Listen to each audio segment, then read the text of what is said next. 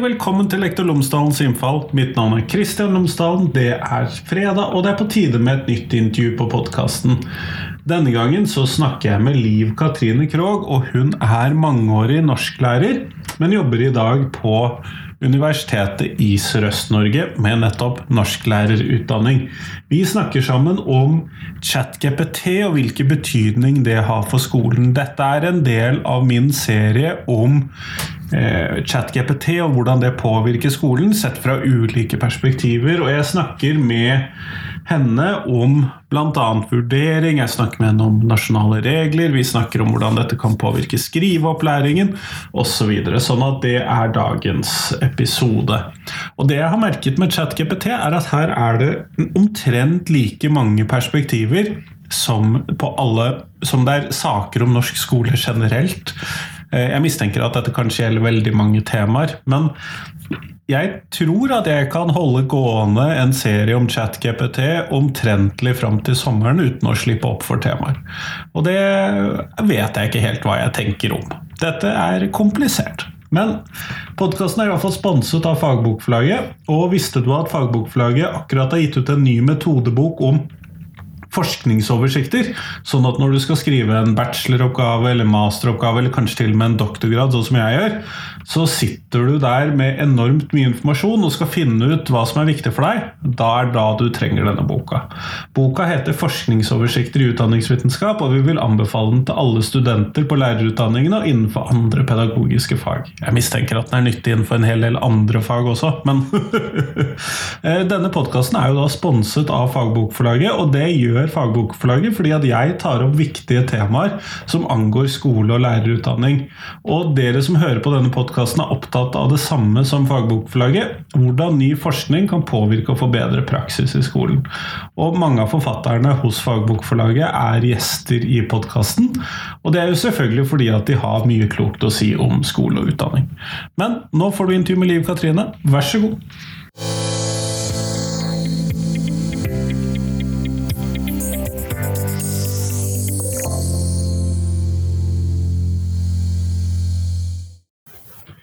Liv Katrine Krogh, tusen takk for at du har tatt deg tid til meg igjen. Tusen takk for eh, at jeg får komme. Før vi kommer ordentlig i gang, og selv om du har vært med før, så må du nesten fortelle lytterne mine tre ting om deg selv, sånn at de kan få bli litt bedre kjent med deg, særlig hvis ikke de har hørt om deg før. Ja, og så sier jeg vel noe, noe annet hver gang, tror jeg. Eh, I dag er jeg jo her eh, i, i, stor grad som norsklærer, så jeg tenker at jeg kan fokusere litt på det.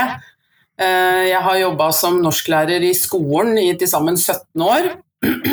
Litt i ungdomsskolen og for det meste i videregående skole. Og nå jobber jeg som norsklærer på Universitetet i Sørøst-Norge. Eh, og har eh, stort sett med framtidige norsklærere å gjøre. og så kan jeg vel også si at jeg ikke bare har vært norsklærer i min tid. Jeg har hatt ti års avbrekk fra læreryrket og skolen Sånn at jeg veit litt om gresset er grønnere, grønnere, eller ikke på den andre sida. Det høres bra ut. Du, skal, dette er jo en del av min sånn serie om ChatGPT. Og da er det jo da særlig inn mot norskfaget. Og eh, hvilke tanker har du gjort deg foreløpig om eh, dette og lignende verktøy inn mot eh, norskfaget? Ja Dette er jo, det er jo ganske nytt, eh, og det er jo en teknologi som er i en rivende utvikling. Eh, og eh, som norsklærer så har jeg jo en bekymring knytta til at mye av det vi driver med i skriveopplæringa, altså det er jo vi som har hovedansvaret for skriveopplæringa i skolen, og at elevene blir funksjonelle skrivere. Eh, og det er en ganske tung jobb, eh, både for lærerne og for elevene. Eh, og mye av den jobben går jo ut på å hjelpe elevene med å få det til. Og på den måten så er jo vi levende språkmodeller. Og vi bruker jo også klasserommet, eller altså elevene som levende språkmodeller for hverandre. Altså det er jo det mye av læring handler om. Eh, også i andre fag. Eh, og for meg per nå så tenker jeg at eh, akkurat den språkmodellen som vi snakker om her, da, som er kunstig, den forstyrrer litt. Jeg kan fint se for meg at den kan brukes i opplæringa, og jeg på en måte tenker ikke at det er sånn at å nei, kan, vi kan ikke se den i det hele tatt. Men per nå så tenker jeg også at det er sånn som å skulle hadde jeg vært lærer i skolen nå, da, uh, og jeg er jo for så vidt det overfor studenter Jeg ville aldri bedt studenter eller elever om å registrere seg på OpenAI. Um, det er ikke en transparent teknologi. Vi veit ikke hva personopplysningene våre blir brukt til, og vi veit heller ikke hva det vi dytter inn, blir brukt til. Jeg har jo sjøl brukt privatadressen min til å registrere meg og kommunisere med, med roboten, selvfølgelig, for jeg har jo vært nysgjerrig. Ehm, men eh, jeg, jeg, kan jo ikke be elever om det, de har jo rett på personvern. Uh, og, og det, det, er jo er det jo lærere og skoler som har ansvar for å forvalte. Så, så det er litt om det jeg tenker innledningsvis, da. Nettopp, nettopp. Og det er jo faktisk et perspektiv som jeg ikke har hørt så mye snakk om her ennå. Dette her med at hvis elevene skal bruke OpenAI i ulike funksjoner i skolen, så må mm. de jo faktisk registrere seg, og da kommer vi innom en hel del problemstillinger. Mm. Mm. Det, det, er det vi gjør, og det pågår jo en del uh, utvalgsarbeid uh, nå som er knytta til både personvern og også helt spesifikt dette med innhenting av læringsdata uh, i skolesammenheng teknologisk. og det kommer jo av en erkjennelse av at elevene har vært litt fritt vilt i skolen. Uh, når det gjelder og altså Noen har jo brukt ordet prøvekaniner, da, og det er jo litt det. Uh, men, men, da fra et sånt rettighetsståsted, da. Har jo, summen av alle lærere og skoler har gjort mye rart med elever de siste åra. Egentlig alltid, men nå også teknologisk, da. Ja, og det blir jo kanskje en annen problemstilling enn tidligere når det faktisk da blir lagret steder og samlet opp steder, i motsetning mm. til si på 70-tallet, når de sikkert også var prøvekaniner for mm. Mm. Ja, og vi vet jo ikke. Det vi vet av erfaring fra andre apper og medier, er jo at informasjonen vår er veldig mye verdt. Altså Det er kapitalen. Grunnen til at ChatGPT har vært gratis nå i starten, er jo at eierne har vært interessert i den informasjonen som vi eh, mater den med. Eh, og ikke sånn minst få oss til å bruke den. ikke, ikke, minst få oss til å bruke den. Og, og, det er jo Jeg var på et seminar her om dagen, og da sa Jonas Vettere fra Teknologirådet at det er den raskest voksende appen noensinne fra lansering til nå. Eh, så det sier litt om hvor mye informasjon vi nå har eh, bidratt til eh, for å gjøre denne språkmodellen på en måte bedre og mer fleksibel, sannsynligvis.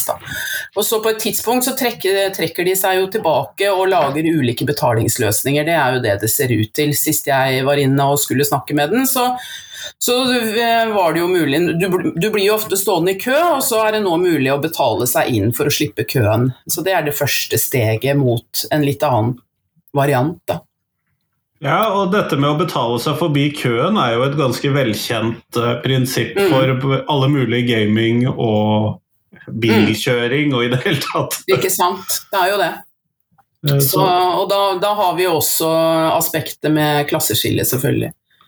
Uh, og, og, når det gjelder skriveopplæringa igjen, da, så, så, tenker jeg jo det at uh, vi har jo helt siden 1980-tallet på ulike måter jobba med skriving i prosess, og vi har jo nå en læreplan som opererer med vurdering som en integrert del av opplæringa.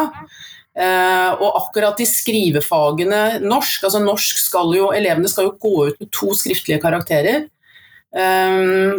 Og, sånn at I veldig mange fag så kan man jo løse altså den mulige jukseproblematikken, eller hva man skal kalle det, ved å snakke med elevene og hente inn kompetansen deres muntlig. Det gjør vi i norsk, og det har vi en egen karakter for, men vi har to skriftlige karakterer, og de kan vi ikke vurdere muntlig. Jeg, um, jeg, må jo si jeg er imponert over hvor godt ChatGPT takler nynorsk. ja, jeg også. Jeg også. Uh, jeg har fått den til å tolke uh, den arkaiske nynorsken til Olav H. Hauge, bl.a. Det har den klart relativt godt. Uh, og, det er vanskelig for oss leve nå. ikke sant?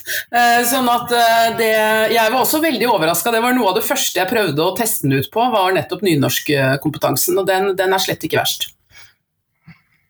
Så, nei, så, så, så, vi har en utfordring også knytta til at vi har blitt vant til å jobbe mye prosess med elevene.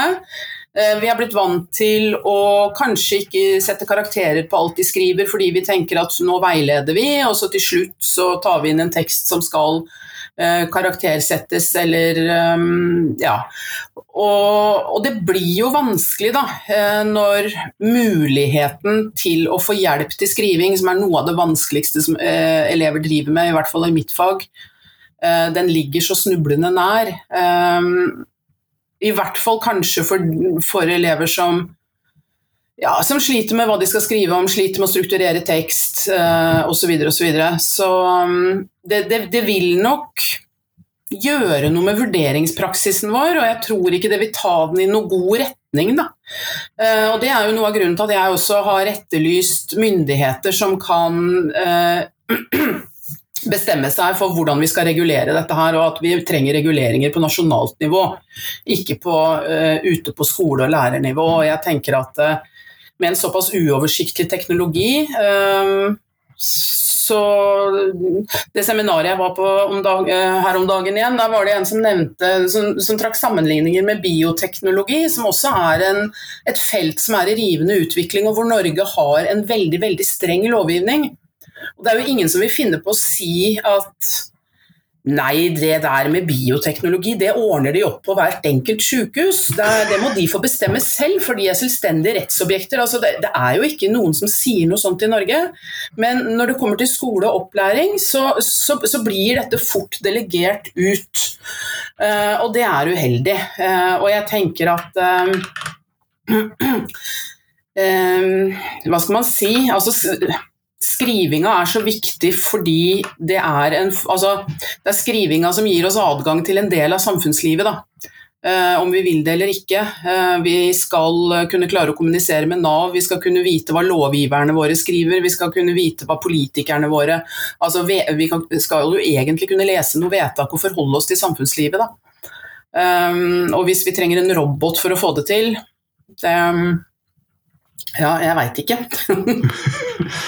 Akkurat det siste, eller du nevnte Nav inni der, og det å mm. få, de, få, denne roboten til å tolke Nav sitt regelverk, mm. hadde jo vært å få Hva står det i dette brevet? Ja. Eh, I og med at roboten fortsatt Den gjetter jo eh, litt sånn på basis av statistikk, eh, og hvis den ikke har noe svar, så, ja, så, så finner den på Eh, så det er klart at er ikke, den er jo ikke helt vanntett uh, ennå, men, men, jeg ser jo at det absolutt kan være en hjelp. Uh, det, det, kan være en reell hjelp, ute, fordi Nav-brev har jeg sjøl slitt med å dekode. Så um, der, der, der, kan jeg se et potensielt bruksområde. Og for å, og, og for å, legge fleip til side, jeg ser også på en måte funksjonalitet i f.eks. Eh, land som sliter mer med analfabetisme enn det vi gjør i Norge, f.eks. Og så kunne i større grad kunne bidra til å myndiggjøre folk som ikke har språk.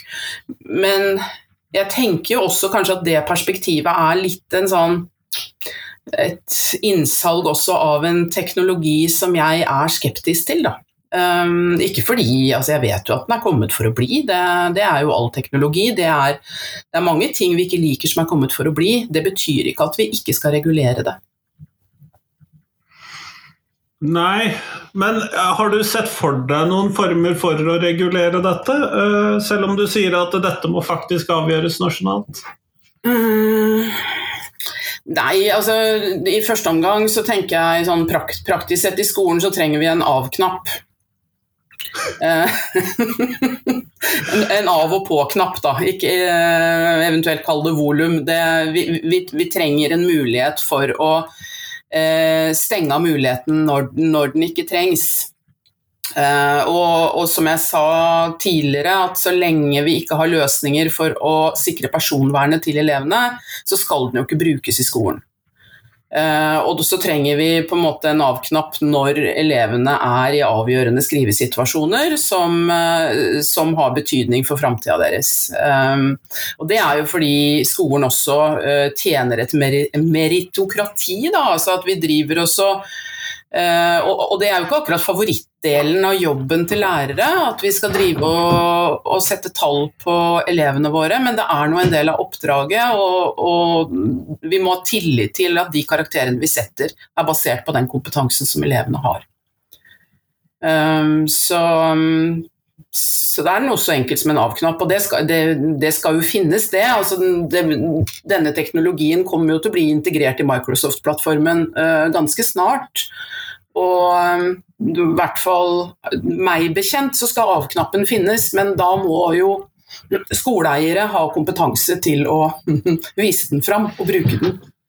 Ja, det eh, har jeg nok kjennskap til Skole-Norge at jeg vil si at det potensielt er litt varierende. Det er nettopp det det er. Det er nettopp det det er, og, og det er jo derfor vi trenger en, en, eh, en, tydelige rammer på nasjonalt nivå. Eh, fordi skolene er jo også en konkurransesituasjon. Eh, eh, spesielt kanskje i de store byene, og, og da er dette med forskjellig tolkning av regelverk, det, er, det kan fort bli litt betent, rett og slett. Noe vi kanskje så litt i Oslo i forbindelse med den nyhetssaken rundt Elvebakken. Um, ja.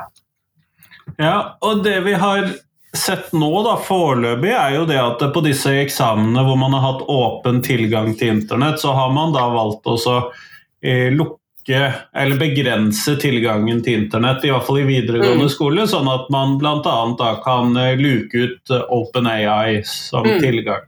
Mm. mm. Andre igjen har jo snakket om at nå må vi tilbake til penn og papir, og det har jeg sett på noen Det er vel i no, høyere utdanning man har snakket om det. Ja. Mm. Mm. Uh, akademia har jo holdt fortsatt på de eh, eksamensformene. Eh, altså Akademia var jo først ute med hjemmeeksamen, men har jo hele tida også holdt på penn og papireksamen i noen sammenhenger. jeg kan jo ikke se at det er helt levedyktig i våre dager. Eh, men, eh, men, da er det jo nettopp eh, det at man må kunne ha mulighet til å skrive et digitalt grensesnitt som sikrer at det er ens egen tekst man leverer. Det trengs i alle skoleslag som driver med, med karaktersetting, da. Ja. Mm. Og en av de som jeg har snakket med om dette her tidligere, har jo Roar Ulvestad, som kommer ut uken før samtalen med deg, har jo trukket fram det at eh, det finnes jo muligheter til å spørre ChatGPT om teksten er laget av ChatGPT. Eh, mm. Og at eh, det da sikkert blir en betalingsløsning mm. for skoler og høyskoler og ja. andre sånne ting. Ja, og det, altså- og det, tenker jeg er en litt sånn meningsløs praksis. Jeg tenker at altså er det er det noe som jeg syns har vært fryktelig kjedelig uh, å drive med som norsklærer, er det å, å, på en måte leke litt sånn juksepoliti, som jeg kaller det. Uh, og, og, og, drive og forholde meg til plagiatrapporter og snakke med elever, og så er det påstand mot påstand, og så ikke sant, Alt det greiene der, og den teknologien som viser at dette er laga av, av en robot, vil jo ligge litt grann bak den mest sofistikerte roboten. ikke sant? Sånn at uh, du er liksom dømt til å tape når du går ned den veien, tenker jeg. Uh, det er veldig mye enklere å, å, legge til rette for at den kompetansen som vises, er fra eleven, og ferdig med det. Uh, og så er det sikkert mye gøyalt man kan gjøre i klasserommet som også har med kunstig intelligens å gjøre. men min erfaring er også at det, det aller meste som hjelpemidlet får til, da, det får også elever til. Eh, sånn at eh, vi kan bruke det som litt sånn krydder og variasjon, og så kommer vi tilbake til de tunge taka som slett som, som handler om læring, og som handler om samarbeid, og som handler om eh, ja, å stå i litt tunge prosesser noen ganger, men, men å komme ut på andre sida og, og, ha det bedre, da.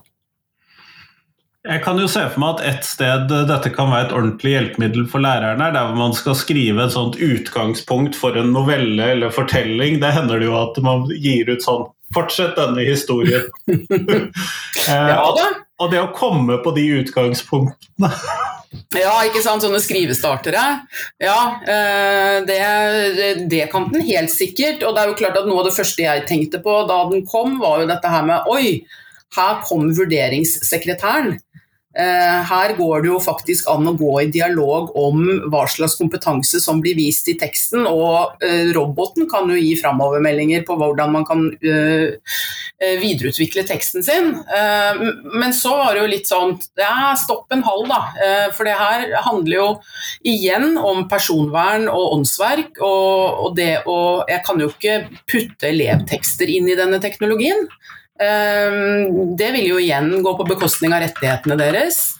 Ehm, og en annen ting er jo dette her med vurderings, Hva skjer med vurderingskompetansen min hvis jeg setter bort den delen av jobben? Ehm, det er en ganske kjedelig del av jobben, men det er jo kanskje noe av det jeg mener sjøl at jeg aldri blir utlært i. da det å vurdere skriftlig kompetanse. Det er ganske vanskelig å vurdere kompetansen, særlig i lange skriftlige tekster.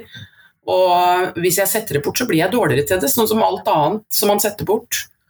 Sånn at uh, jeg, jeg, er, um, er skeptisk der òg, da. Ja, vi, Tror du at vi ender opp i en situasjon hvor uh, OpenAI eller lignende har databehandleravtale med skolene?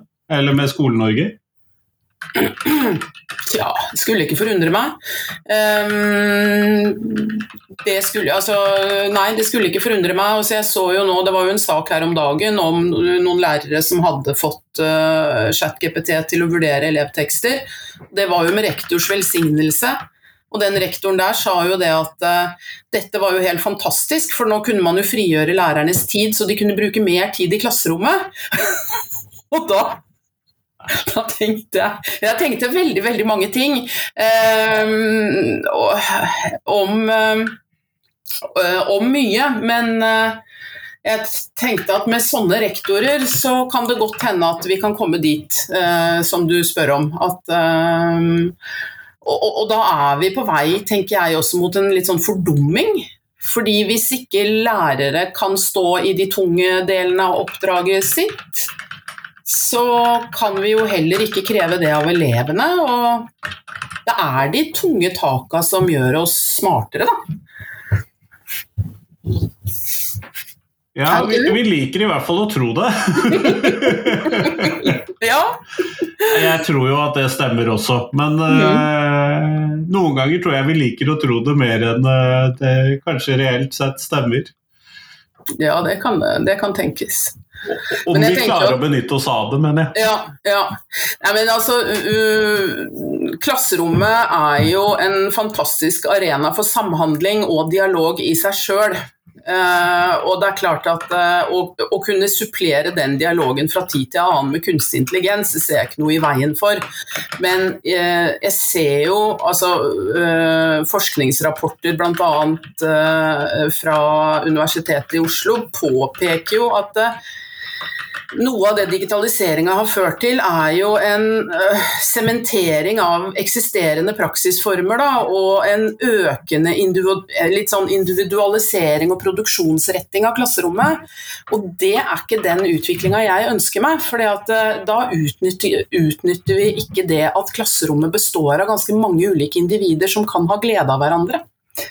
Eh, og som kanskje før man setter seg ned og, skriver sin egen tekst, så skal man samarbeide så mye som mulig om hva man skal skrive om, og hva man mener og ikke mener, og hvordan man Ikke sant. Eh, sånn at eh,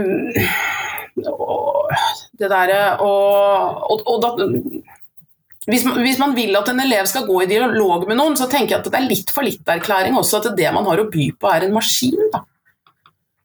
Ja, de kunne jo i det minste gå i dialog med hverandre, kanskje. Ja, ja ikke sant? det trengs. Eh, det er jo ikke så lenge siden jeg også så en nyhetssak om dette her med sant, lærere som jobber litt sånn systematisk med å trene elevene på det der å sitte overfor hverandre og ha øyekontakt, som også er vanskelig for en del. Um, fordi man også på fritida sitter mye i, i litt sånn tekniske grensesnitt. Um, sånn at uh, Jeg tenker at det er der hvor skolen kan bidra til en forskjell. Da. Det er å, å, gi også en del analoge, analog trening. Ja, og det er jo uh, absolutt for, det er jo veldig få steder i samfunnet hvor vi hva skal vi kalle det, tvangsmessig samler 30 ungdommer mm hver dag. I ulike sammensetninger og sammenhenger. Ikke sant? Hvor man rett og slett må utstå og å være i samme rom som en del folk som man uh, ja. Ja, nei, altså det er Det er vel kanskje samfunnets siste fellesarena, sånn sett. Um, så og, og den må vi jo utnytte, da. Men jeg vil tilbake til dette norskfaget igjen, fordi at du trakk jo fram det som noe sånn særegent, og at det pga. det at man måtte ha skriftlige vurderinger og sånn, så sto det i en litt sånn uh, særskilt posisjon. Mm. Før vi da får dette nasjonale regelverket på plass, har du da noen ting du har tenkt på som råd til dine sånne ferske studenter som nå skal ramle ut i dette norskklasserommet? Uh, ja, altså det vi formidler til framtidige norsklærere, er jo ulike teorier om skriveopplæring og hvordan man kan drive god skriveopplæring. Uh, foreløpig så er jo ikke dette et felt det fins forskning på, uh, sånn at det eneste jeg sier til framtidige studenter der, er jo noe med den skepsisen som jeg har knytta til dette med personvern. At inntil man veit om eh, altså at elevenes rettigheter er sikra, så er ikke dette noe vi skal drive med. Eh, men, men, jeg har jo også absolutt oppfordra til å, å, teste ut sin egen nysgjerrighet på privat på på privatbasis, for det, det, er jo veldig greit å vite om hva man har med å gjøre. Men, så, så jeg, jeg, kommer ikke med noe råd foreløpig knytta til dette her, men det jeg vel ser for meg hvis man ikke får hjelp fra myndighetene eh, på hvordan man skal løse dette med karaktersetting, da, både til standpunkt og, og til slutt, det er vel at det, det, kommer til å tvinge seg fram en del enda mer kunstige skrivesituasjoner i skolen enn det vi allerede har. Eh, og det er jo ganske uheldig. Eh, fordi skrivesituasjoner bør ikke være kunstige, de bør jo helst være satt inn i en reell kommunikasjonskontekst, sånn at man skjønner at her har jeg en mottaker, dette her skal tjene et formål, det jeg skriver om nå, osv. osv. Ikke bare sånne eh, stikkprøver på den kompetansen jeg har, da. For det, det vil vi jo helst ikke drive så veldig mye med. Um, noe av det viktigste jeg tenker sånn skrive, sk skriveopplæringsmessig, er jo å stimulere til tenkeskriving. Å stimulere til at elever og folk også blir glad i å skrive uten at det skal bli vurdert. Uten at det skal vises fram til noen. Eh, dagbokskriving, loggskriving, notatskriving osv. Det er jo også en adgang til sitt eget tankeliv, da, som jeg tenker at Eh, og det, vil jeg jo, altså det råder jeg jo framtidige norsklærere til å også huske på. Det der med, akkurat som vi er opptatt av lesing for lesingas skyld, skriving for skrivingas skyld er også viktig, også når man skal ut i skoleslag hvor man skal vurdere skriving. Eh, for jeg tror at noe av grunnen til at mange elever syns at det med skriving er tungt, er at man dessverre glemmer litt da, at skriving kan være ganske kult. Eh, men eh, da snakker vi helt annen skriving enn den som skal vurderes. Men det er veldig mye av den skrivinga som må til før man blir en god skriver. Uh, og hvis man Og da er det jo igjen det Jeg, så, altså, jeg har jo sett flere skribenter, altså folk som lever av, av, skriving, skrive om dette her med ChatGPT. Og det veldig mange kommer inn på der, er jo at du skal skrive veldig mye dårlig tekst. Men du må gjennom det å skrive veldig mye dårlig tekst før du faktisk er i stand til å skrive god tekst. Og, det er jo nettopp, og, eh, og de som veit det fordi de har erfart det, de vil jo ikke finne på å sette bort sine egne skriveoppdrag til roboter, for da veit de jo at det blir dårlig. Um, og, og, og ChatGPT er jo uh, den teksten som kommer ut der, er jo bare generer, et sånt generert tverrsnitt av en gjetning basert på det som var tilgjengelig på nett til og med 2021. Og et tverrsnitt er jo som, som regel ikke så veldig briljant. Eh, så det vi får er jo veldig liksom, Vi som har vært inne og snakka med en, vet jo det, at det er, det er jo ganske generelt, det som kommer. Men det kan jo være veldig bra sånn i karaktersammenheng. Det kan det jo. ikke sant? Du kommer fort opp på tre-fire eh, altså sånn Relativt gode karakterer kan du komme opp på eh, ved hjelp av den her, da. Ja, særlig for de som da sliter mest, så vil jo mm. dette da kunne være redde dem inn på et eller annet nivå. Ja. men Samtidig så mistenker jeg, for du nevnte jo at man ville kunne komme inn i en klasseforskjell eh, mm. fordi at dette blir økonomiske betaltjenester osv. Og, så mm, mm. og så vet vi jo at det er en sammenheng mellom hvor gode karakterer man får på skolen og hvilken familiebakgrunn, og man ser at de mm. fleste Og for de fleste så henger disse tingene sammen. Ja. Og det vil jo da forsterke noen problemstillinger som allerede er der. Det vil det, definitivt. Uh, og vi, vi, ser jo allerede at uh, altså uh, Noen elever blir flinkere og flinkere, da. Men når vi, f.eks. når norske elever gjør det litt dårligere på de siste PISA- og TIMS-prøvene, så er det jo fordi elevene på de laveste mestringsnivåene Altså at det blir flere av dem. Det blir flere av de som ikke helt får det til, da. Uh, og, og, og, det er jo de elevene vi skal være bekymra for. Vi skal ikke være bekymra for de elevene som blir flinkere og flinkere. For det er jo de, altså Jeg pleier å si litt flåsete at det er jo de elevene du kan utsette for hva som helst. Uh, og de får det til likevel. ikke sant? Du kan utsette dem for elendig pedagogikk, og de lærer likevel.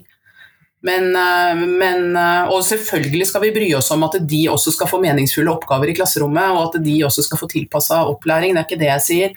Men det er ikke de som skal bekymre oss. Vi skal ikke, vi skal ikke løpe etter dem for at de skal på en måte ja, Hva skal man si um, De klarer å trene seg på å gå i dialog med kunstig intelligens på egen hånd. Det er ikke noen vi trenger å holde på med, egentlig. Nei, det mistenker jeg at du kan ha rett i. vi går mot slutten av dette podkastintervjuet, og det spørsmålet jeg stiller fast til de som jeg intervjuer for tiden, det er spørsmålet om uh, hvilken lærer har gjort størst inntrykk på deg, og hvorfor det? Ja, det er litt vanskelig å svare på, fordi jeg gikk på så mange skoler. Eh, jeg har gått på seks forskjellige grunnskoler eh, og hatt veldig mange forskjellige lærere, og veldig mange gode lærere som har gjort veldig inntrykk på meg. Hvis jeg skal eh, trekke fram noen, så er det nok et par av lærerne mine fra barneskolen. Og da tenker jeg spesielt på Knut Fredriksen, som jeg hadde på Haugatun skole i Loddefjord.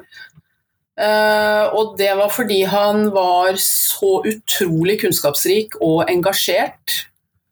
Og så hadde jeg en annen uh, mannlig lærer som het Vidar Abrahamsen på Olsvik skole, også i Loddefjord og i tillegg til at han hadde en del av de egenskapene som Knut hadde, så, hadde, så, så han meg, da. Altså sånn, ikke det at han var den eneste læreren som jeg har hatt som gjorde det, men, uh, men akkurat da så var det kanskje spesielt viktig. Så det er kanskje de jeg vil uh, trekke fram. Og så i den anledning så er det litt med vilje at jeg trekker fram to mannlige lærere, fordi jeg, jeg syns det er dumt at uh, det blir færre av dem i skolen. Um, skolen er arbeidsplassen til barn og unge, og da trenger man et mangfold. Nå finnes det jo flere uh, kjønnsidentiteter enn bare mann og kvinne nå, altså, jeg, så jeg tenker jo i et utvida perspektiv. Men jeg, men, jeg, men jeg, tenker når vi snakker gutter i skolen f.eks., så, så trenger de å møte menn, flere menn også. Jenter òg, forresten.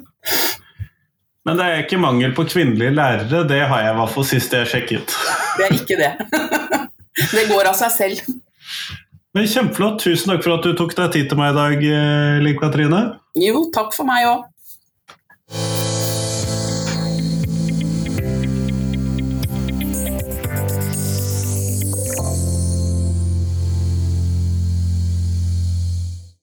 Tusen takk til Liv Katrine, og tusen takk til deg som hørte på. Nå er det fram til tirsdag, så kommer det en ny episode på podkasten. Og så mistenker jeg at det kommer en eh, ny episode om ChatGPT på fredag som kommer. Det tar en stund før jeg klarer å så hva skal vi kalle avslutte denne miniserien, fordi at det er, som jeg sa i innledningen, det er mye å snakke om her. Men da lurer jeg på hvilke perspektiver mener du at mangler når det kommer til ChatGPT? Det er rett og slett det jeg må vite. Fordi at klarer jeg å dekke alle disse perspektivene som skal til? Klarer jeg å se alle de problemstillingene, alle de mulighetene, alle de utfordringene, alle de gledene som finnes ved dette, eller er det noe som du tenker at jeg er nødt til å se på, som jeg ikke har hatt med meg? Så send meg tips om det til christian.krøllalfa.lektorlomsdalen.no, eller på alle mulige andre plattformer der hvor du finner meg. Så send meg en mail. Så det høres fint ut. Men nå, nå får du ha en fin dag videre. Hei, hei!